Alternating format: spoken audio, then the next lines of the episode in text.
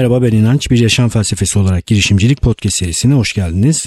Bugün yanımda konuğum var Sıla Erkan. Hoş geldin Sıla. Hoş bulduk. Ben nasıl tanıştığımı anlatacağım öncelikle Sıla'yla. Bir gün Instagram'da dolaşırken e, böyle coşkulu bir story'e rastladım benden bahsettiğini de fark ettim ve podcast'ten Allah'ım nasıl anlatıyor? ya ben ne kadar güzel bir şey yapıyormuşum diye kendimi dinledim. Çok mutlu oldum.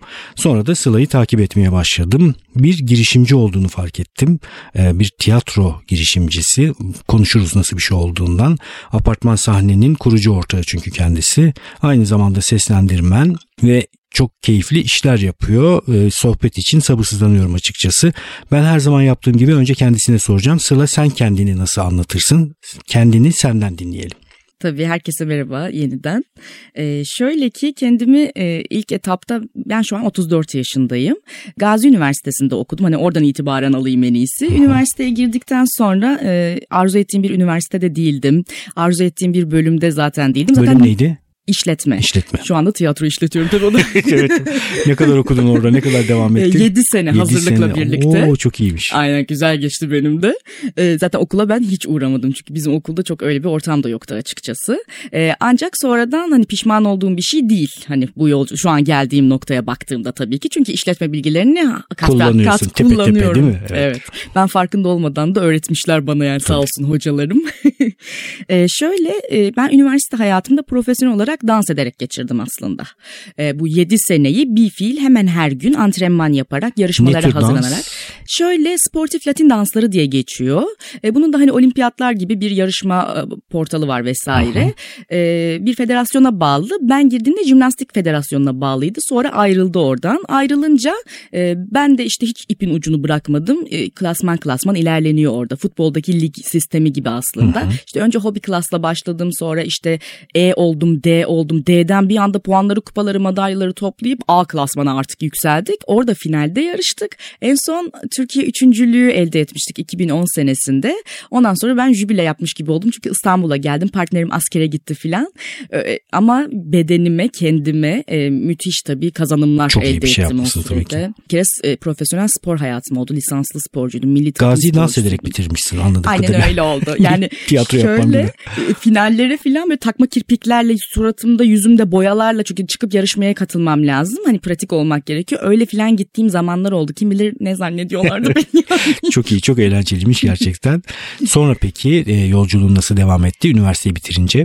Bitirdim ardından e, İstanbul'a geldim. O çok tesadüfi oldu aslında. Burada diksiyon, sunuculuk, spikerlik derslerine başlamak için geldim. Şöyle bir imkanım vardı. Teyzem burada yaşıyordu. Onda kaldım. E, yani öyle bir masrafım olmayacaktı. Bu çok Teyzenin avantajlı. haberi var mıydı gelirken? Tabii vardı. Söylemişti yani vardı. değil mi? Hatta benim için o gitmişti görüşmeye. Oo çok güzel. Kimde bu arada bu dersleri aldın hatırlıyor musun? Ben Hatırlıyorsun tabii ki. Üsküdar'da e, İletişim Akademisi'nden aldım bu Hı. dersleri e, ve çok e, tatlı bir eğitimci programı vardı öyle söyleyeyim. E, çünkü hani içinde radyo programcıları da vardı, TRT'de veya başka yerde spikerler de vardı, işte dublaj sanatçıları da vardı. Çok yönlüydü. Orada çok iyi eğitildiğimi düşünüyorum ben. Bir de ben oraya hani bir şey yapıyorsam hani hobi ise bile bu açıkçası biraz dadanırım yani bıkarlar Çok benden. doğru bir yaklaşım. Burada da arada bahsediyorum. Bandura'nın sosyal öğrenme teorisinde vardır öz yeterliği geliştiren şeylerden birisi de bir konuda uzmanlık geliştirmek. Yani senin mesela büyük ihtimalle danstaki o yolculuğun ve orada geliştirdiğin kapasite öz yeterliğini arttırdı ve başka yolculuklarına da transfer oldu. Kesinlikle. Artık ele aldığın her şeyi uzmanlık seviyesinde değil mi? Evet öyle yaklaşıyorum.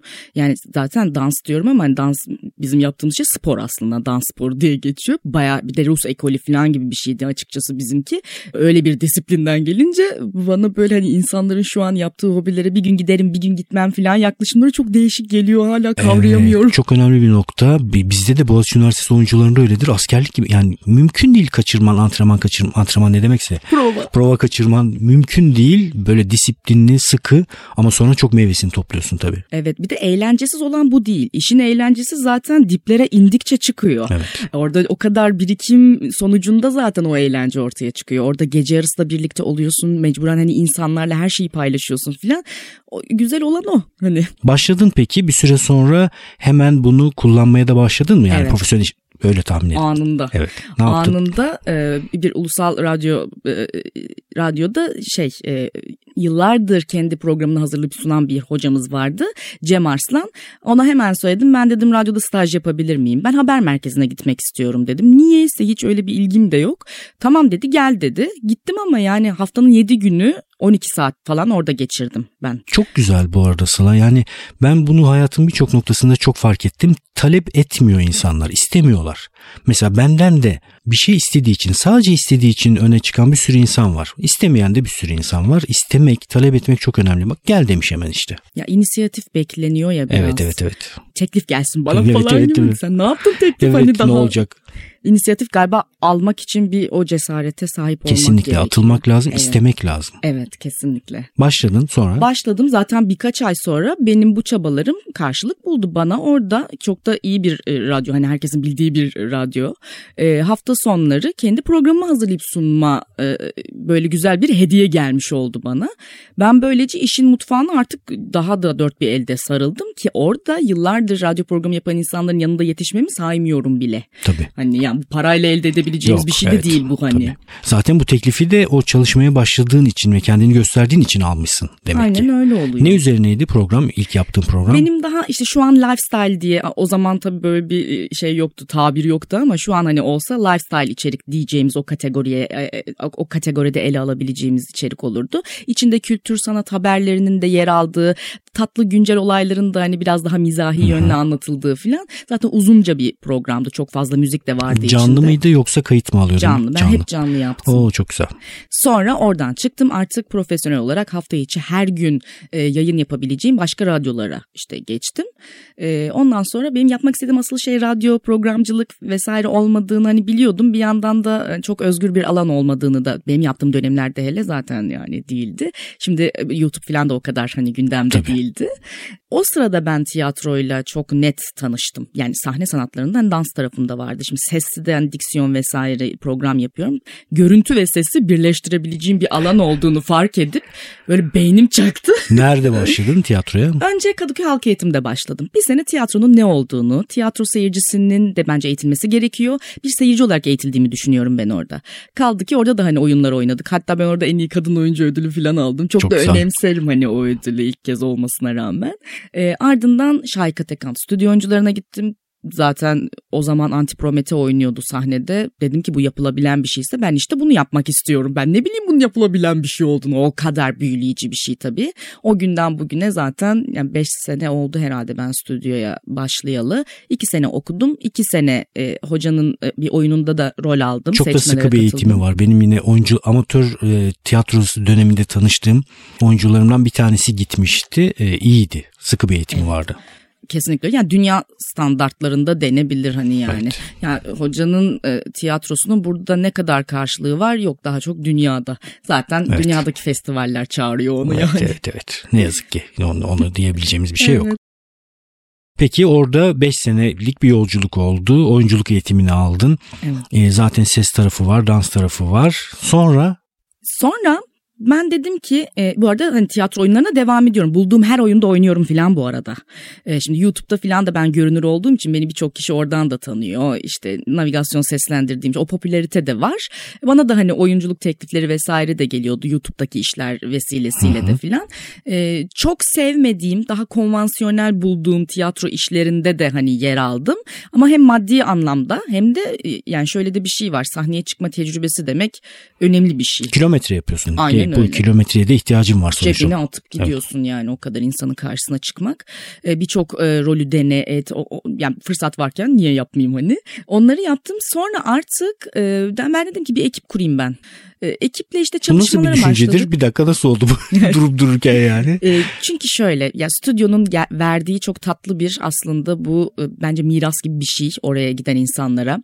Size oyunculuk öğre orası bir oyunculuk okulu değil. Orası bir tiyatro okulu. Tiyatroya bir bütün olarak yaklaşabilme, tasarlayabilme bir oyunu e, hiç fark soyut düşünmeyi işte size çok güzel öğretiyor. E, bunu sahneye uyarlayabilme ya çok analitik e, kafası çalışanlar mesela çok fazla şey alıyor oradan. Çok sezgisel olanlara çok yakın bir yer olmayabilir mesela ama onların da tabii sahnede seyretmek başka bir keyif oluyor. ama bu iki tarafı da birleştirebilmek tiyatro için mesela çok bence önemli bir şey. Türkiye tiyatrolarına şöyle bir baktığımda veya verilen eğitimleri ya çok sezgisel tiyatro işte en yüksek sanattır bilmem ne tadında giden e, ya da işte çok analitik yaklaşan ekipleri de hani görebiliyorum. Biraz doğaçlama tiyatro ekiplerinde o olabiliyor. Yaptık geçtik bitti hadi şimdi artık başka bir işe gidiyoruz falan. Halbuki bu sürekli bir yolculuk. Her ikisini de iç içe girip hemhal olduğu bir yolculuk aslında her iki becerinin de. Çok güzel. Bizim Boğaziçi Üniversitesi oyuncuları ekolü de böyledir. Çıkanlar istediği yerde istediği şeyi yapabilir. Şu manada işte ne bileyim sahne kuracağım der sahne kurar. İşte gidip bir yerde bir çalışma başlatacağım der başlatır. Dediğin gibi böyle entegre bir şekilde bütün o insanla ilişkili şeyleri de öğrenmiş oluyorsun. Bir şeyi var etme becerisi diyebiliriz. Benim bu anlattığım potansiyel olanı hayal edip tarif edip onu hayata geçirme becerisini öğrenmişsin oradaki evet. yılların içerisinde. Zaten yani 7 senedir filan hani ne yapıyorsun desek ben buraya geleli işte İstanbul'a taşınalı 8 sene filan oluyor. Hayallerimi gerçekleştirmeye çalışıyorum ve bunu her gün yapıyorum. Her günkü mesaim bu benim. Çok güzel.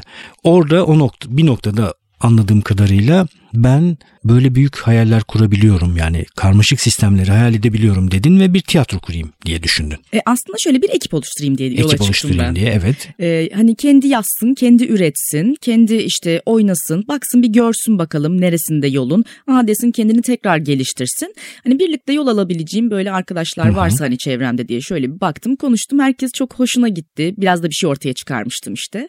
E, bazı şeyler yazmıştım, çizmiştim filan. Sonra bizim prova aldığımız e, bir mekan vardı. Biraz daha atölye mantığıyla e, kurulu bir mekanda orası. Biz de çok iç geçiriyorduk hani oraya gelip giderken. İşte burası hani biraz bakımsız e, ya da işte her yere yakın ne kadar hoş bir yer. Keşke burası daha şey hatta keşke bizim olsa burası. Bizim olsa, ufak, böyle ufak ufak kuruluyor bu hayaller zaten.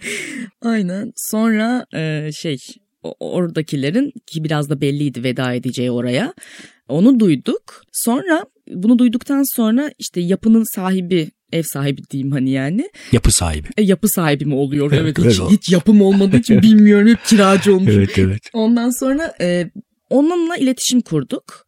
E, çünkü o da hemen bir tekstil atölyesine verme niyetindeydi kafası rahat edecek falan filan. Yani şöyle geçiyormuş seninden ya konfeksiyoncu ya tiyatrocu bu ikisinden birine veririm diye düşünüyor herhalde. Yani hiç tiyatrocu aklına gelmiyordu aslında. Ondan sonra dedik ki lütfen bize verin. Biz bakın burayı hani çok güzel bir hale getiririz. Hatta değerini de arttırırız buranın. Çünkü bir yerde tiyatronun olması hani metronun olması nasıl kıymet veriliyorsa aslında kültür sanat faaliyetlerinin Tabii. olması da hani öyle bir yer. Zaten koşu yolunda hani çok da dağda bayırda bir yerde değil. Çok yakın bir yerde yani Ayrılık Çeşmesi metro durağının orada hemen. Ondan sonra biz orayı tabii bize göre çiçek gibi yaptık. Hemen girdik çalışmalara başladık vesaire. Ne zaman giriş? Açılışımız 3 Şubat 2018 ama girişimiz 2017 ee, işte Kasım itibarıyla falan biz girmelere çıkmalara başladık. Aralıkta birlikte artık e, şey hummalı bir çalışma vardı orada. Neredeyse açılıştan itibaren bir sene falan olacak yakında değil mi? Oldu. Yakında iki sene olacak. İki sene olacak. 2020'de iki sene olacak evet. doğru. Çok iyi çok güzel. Peki ekiple birlikte mi bütün ekonomiyi üstlendiniz? Yani orada nasıl bir iş bölümü oldu? Çünkü bu en nihayetinde bir girişim. Tabii bir sermaye koymak gerekiyor Sermaye ortaya. koymak gerekiyor. Bir ekonomiyi yürütmek gerekiyor. Aynen Bunun öyle. sorumluluğunu almak gerekiyor. Aynen öyle. Yola çıktığımızda üç kişiydik. Biri benim eşimdi zaten. Şunu gönül rahatlığıyla söyleyebilirim. Biz yeni evlenmiştik. Ee, işte o sırada da e, işte dünyaya ulaşalım, şunu yapalım, bunu yapalım yerine böyle bir şeye yatırım yapmak istedik. Bir süre sonra eşim işinden de işini bıraktı. Tamamen artık buna. O, o da tiyatro ile ilgili değil mi bu arada? O müzikle ilgileniyor aslında. Hı hı. Şu anda mecburen sadece tiyatroyla, tiyatronun her şeyiyle ilgilenmek durumunda kalıyor. Ama kendine çok şey kattı. Lojistik firmasında çalışıyordu. Zaten hali hazırda müzik grubunu e, işte tüm bestelerini yapan işte solisti olan biriydi zaten. Ya kendisi bir rock müzik grubunu zaten idare eden biriydi. Hani o da o e, terbiyeden geçmiş biriydi. O da müzik işletmecisi. Yani aslında öyle oldu. Ee, sonra e, üç ortaktık biz. Çok yakınlarda işte üçüncü ortağımızla yollarımızı ayırdık. Şimdi sadece karı koca devam ediyoruz aslında. Yani bunun ekonomik yükü esasen tamamen hani bize ait bir şey. Ee, ama işte şey yine hala hayallerimiz, hedeflerimiz e, bu uğurda işte çalışarak, dinlenerek devam ediyoruz. Peki. Ailemiz çok büyüdü tabii. Çok güzel. Bu e, yani çok zor bir şey olduğunu hiç söylemeye gerek yok. Yani ekonomik faaliyet olarak tiyatro çok böyle meyve veren bir alan değil. Yani tabii ki çok iyi konumlandırmalarla, iyi markalama çalışmalarıyla bayağı işletme anlayışıyla yaklaşarak belli bir noktalara getirmek, belli bir noktaya getirmek mümkün. Faaliyet itibariyle çok ölçeklenebilir bir şey değil. Yani en fazla yapabileceğiniz bir tiyatronun ekonomik tarafına bakıyorum sadece. Ee, orada yapabileceğiniz en fazla faaliyet sayınızı arttırmak, bilet fiyatlarınızı arttırmak, turnelerinizi arttırmak gibi yani insan emeği zamanı ile kısıtlı bir şeyin içerisinde yer almanız gerekiyor. Tiyatro eşittir insan zaten. Evet. Her şeyiyle öyle. Evet. Yani insanla yapılıyor, insana yapılıyor, insan konu ediliyor Evet, falan. evet, Ama evet, evet. Sadece sahne üzerinde üstelik yani. Bunun hani background'unda neler neler neler var tabii. Afişinde insan tasarlayacak. Yani her şeyi böyle olmalı ki e, size bir süre sonra e, buna bizim hala sabrımız var. Hani insanlar güven duysun, e, işte bir kalite görsün, oraya bize geldiğinde mutlu olacağını bilsin vesaire. Bu ortamı, bu konforu onlara oluşturabilmek için tabii ki çok çalışmak gerekiyor. Bunların hepsini de söylediğin gibi e, insanın yapması gerekiyor. Tabii. Ben Ne gibi faaliyetler var? Böyle bir kategorize edecek olursak şu anda sadece oyun oynanmıyor. Ben Tabii. bunu biliyorum. Nasıl kategorize edebiliriz fa- ekonomik faaliyetlerinizi? Tiyatro oyunları var. Ya kendi üretimimiz olan. Dışarıdan bizim sahneye kendi oyunlarını getirip oynayanlar var. Bunlar oyun kısmı. Ee, ayrıca bizim açtığımız günden beri aslında doğaçlama tiyatro atölyeleri yapıyoruz biz. Ee, doğaçlama tiyatro herkesin yapabileceği bir şey aslında. Kesinlikle. Aslında bile değil öyle. Evet aynen öyle. Yeter ki sahneye layık olmanın bazı kuralları var. Onlar da çok aşırı zor kurallar falan değil. Her oyunun kuralı var. Ya satrancı nasıl öğrenebiliyorsa biri doğaçlama tiyatroyu da öğrenebilir. Ee, atölyelerimizde insanlar hem çok mutlu oluyor e, hem çok fazla kazanımları olabiliyor kendilerine. Burada araya gireceğim sana unutma söyleyeceklerini. Ben 2006'dan beri Boğaziçi Üniversitesi'nde tiyatro sporu kullanarak bir ders veriyorum. Bir performans sanatçısı olarak öğretmen. Daha önce de bu burada bahsetmiştim podcast içerisinde. Çok de- derin bir gözlemim var.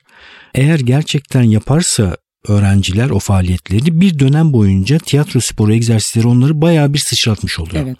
Kendileri tanıma anlamında, performans lezzetini kapma anlamında. Biraz ben onu da vermeye çalışıyorum çünkü öğretmenlik dediğimiz şey performatif bir iş. Orada performanstan keyif alma noktasına gelmek için de bir takım performatif işlerde bulunmak gerekiyor. Çok iyi imkan sağlıyor değil mi tiyatro sporu buna? E Şöyle tabii ki öyle yani bir kere şey sadece hani oyuncu olarak da değil mesela bunun MC'si var hani sunuyor tiyatro Evet. sporu formatında yapınca hani Evet. bir MC ile e, hemhal olunuyor yine. E, şeyde ses ve ışıkta duran oyuncular var. Doğaçlama bir şekilde mesela ışık desteği veriyor işte ses müzik desteği veriyor işte orada efekt veriyor vesaire. Oyuncular zaten hani hani bunun bu yapının içinde kendi pratikliklerini çözmeleri gerekiyor. Direkt yani şöyle karar vermek çok şey olabiliyor ya bazen. Aa düşünmek gerekiyor. Hayır aslında hani karar vermek çok kısa noktada verilen kararlar çok Tabii. daha e, sizi bir sonraki karara daha rahat taşıdığı için çünkü e, birazdan sizi sıçratabiliyor. İşte doğaçlama tiyatro sahnesinde de aslında olan şey bu. Olan biten bu. Evet. O yüzden yaşama ve hatta iş yaşamına bence çok çok benziyor. Çok inanılmaz transfer edilebilir beceriler kazanılıyor. Ben herkese öneriyorum yetişkinlere, çocuklara. Bir kere kısa dönem hafızada bilişsel olarak bir sürü şeyi hızlıca işleyip orayı etkin kullanabilmeyi öğreniyor insan. Yani bir yandan dinleyeceksin, bir yandan hikayeyi takip edeceksin, bir yandan kendi kurgulamış olduğun bir şey var onu devam ettireceksin, yeni fırsatları göreceksin. Bütün bunları yapabilmek için kısa dönem o bilişsel yükü iyi yönetmek gerekiyor. Aynen öyle. Bunu da sağladığın zaman zaten satış görüşmesinde de daha iyi oluyorsun. Bir mülakatta da daha iyi oluyorsun. Liderlik yaparken yönet, yöne- yani yönetici olarak karar alırken de yine daha iyi oluyorsun. Aynen öyle. Ee, hani kriz kriz çözme mi Evet, derler değil mi? evet. Daha çok o tabir kullanılıyor. Ee, kriz çözmek şahane ama doğaçlama tiyatroda maksat zaten kriz yaratmamak aslında. Evet. Herkes birbirini konfor alanı sağlayıp shine your partner diye bir kural var değil mi? Evet. mesela hani kullandığımız. Ee, çünkü sahnede oyun arkadaşından başka hiçbir şeyim yok. Dekorum yok, metnim yok, işte kostümüm yok, var gibi yapacağım. İşte Birbirine orada karşı değil birlikte yapılan bir birlikte. faaliyet. Kesinlikle öyle. Peki ne sıklıkta çalışıyor yetişkinler sizinle? Başladım diyelim ki kursa ben. Yeni başlayacak buraya tam gelmeden önce zaten birine yine anlatmıştım arayanlarda. Taze taze Bir anlatabiliyorsun. Katılımcıya aynen.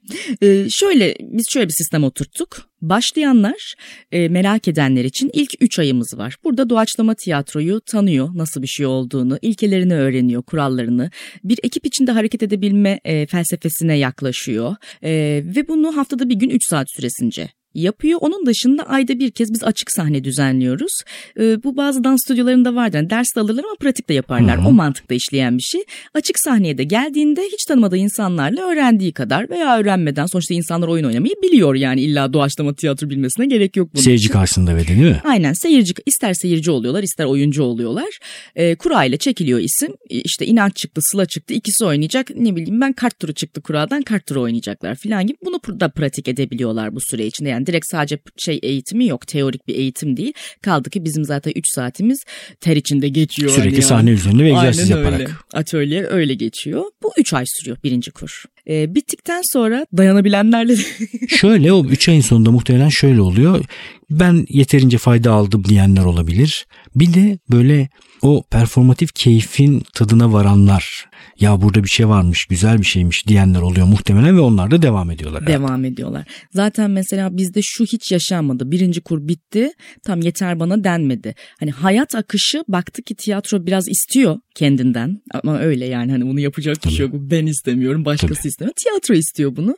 Galiba hayatımın şu döneminde çok yapamayacağım bunu diyor. Örnek veriyorum iki ay geliyor bırakıyor ama sonraki birinci kurda tekrar geliyor. Yani bir bitti ben ikiye devam etmeyeyim diyenle henüz karşılaşmadık ama olabilirse böyle bir imkan var tabii ki. İkinci kurdu yine 3 ay sürüyor. E, bu süre içinde de doğaçlama tiyatronun biraz daha ileri seviye teknikleriyle ilgileniyoruz. Farklı formatlar deniyoruz arkadaşlarımızla birlikte. Zaten onlar bu süre içinde pek çok kez vakit geçirmiş oluyorlar birlikte. Birbirlerini çok daha fazla tanımış oldukları için sahnedeki reflekslerini falan da hani bildikleri için tatlı bir ekip oluşmaya başlıyor. Bir de biz 3 ayın sonunda mutlaka sahnede bir kez onlara has bir oyun oynuyoruz. Onlara oynatıyoruz yani. Tiyatro sporu yaptırıyoruz. İkinci kurun sonunda. Birinci içinde. kurun sonunda. Birinci kurun sonunda. Mutlaka yapıyoruz. İkinci kurda da isterlerse o üç ayın sonunda veya biz çok sevdik istiyoruz ya da biz hani eğitmenler olarak bunu öngörebilirsek bu ay bir oyun oynayalım mı? Oynayalım tamam oynayalım. Bu ay oynayalım mı? Oynayalım. Ona göre gidiyor. Yani grubun dinamiğiyle ilgili. Bir yandan bir takım gruplar da oluşmaya başlıyor tabii Aynen bu arada öyle. değil mi? Kendi isimleri olan, gösterileri evet. olan. Evet. Çok güzel. Sonra üçüncü kur başlıyor. Bu biraz daha artık e, ciddi ciddi bununla ilgilenmek istiyorum diyenlerin e, aslında Survivor gibi hani hayatta ne kalan. Ne mi öğretiyorsun kırbaçlarla? Doğaçlayacaksın diyorum sana. Ya orada artık doğaçlama, doğaçlama çünkü çok e, aşırı zor bir şey değil. Üçüncü kurda doğaçlama diye bir şey yoktur diye final nokta oluyor değil mi? Aslında gerçekten öyle yani. e, üçüncü kurda biraz daha işte e, sahneye layık olma becerileri diyeyim hani yani. E, bir oyuncu sanatını nasıl geliştiriyorsa onlar da o şekilde hani geliştiriyorlar. Bu dört ay sürüyor. E, parça çalışmak isteyen parça da çalışıyor. Hani daha önce hiç sahneye metinli bir şeyle çıkmamış isteyen olursa bu da hani olabiliyor.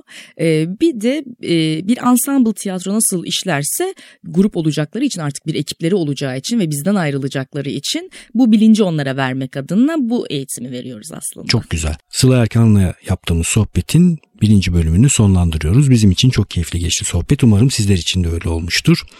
İnançayar.com adresinden bu bölümde adı geçen kişilere, kitaplara, linklere ulaşabilirsiniz. Bana inançayar.gmail.com'dan e-posta gönderebilirsiniz. Bir de Instagram'dan takip ederseniz merhaba podcast'ten geliyorum deyin ki ben de sizi takip edeyim. Görüşmek üzere.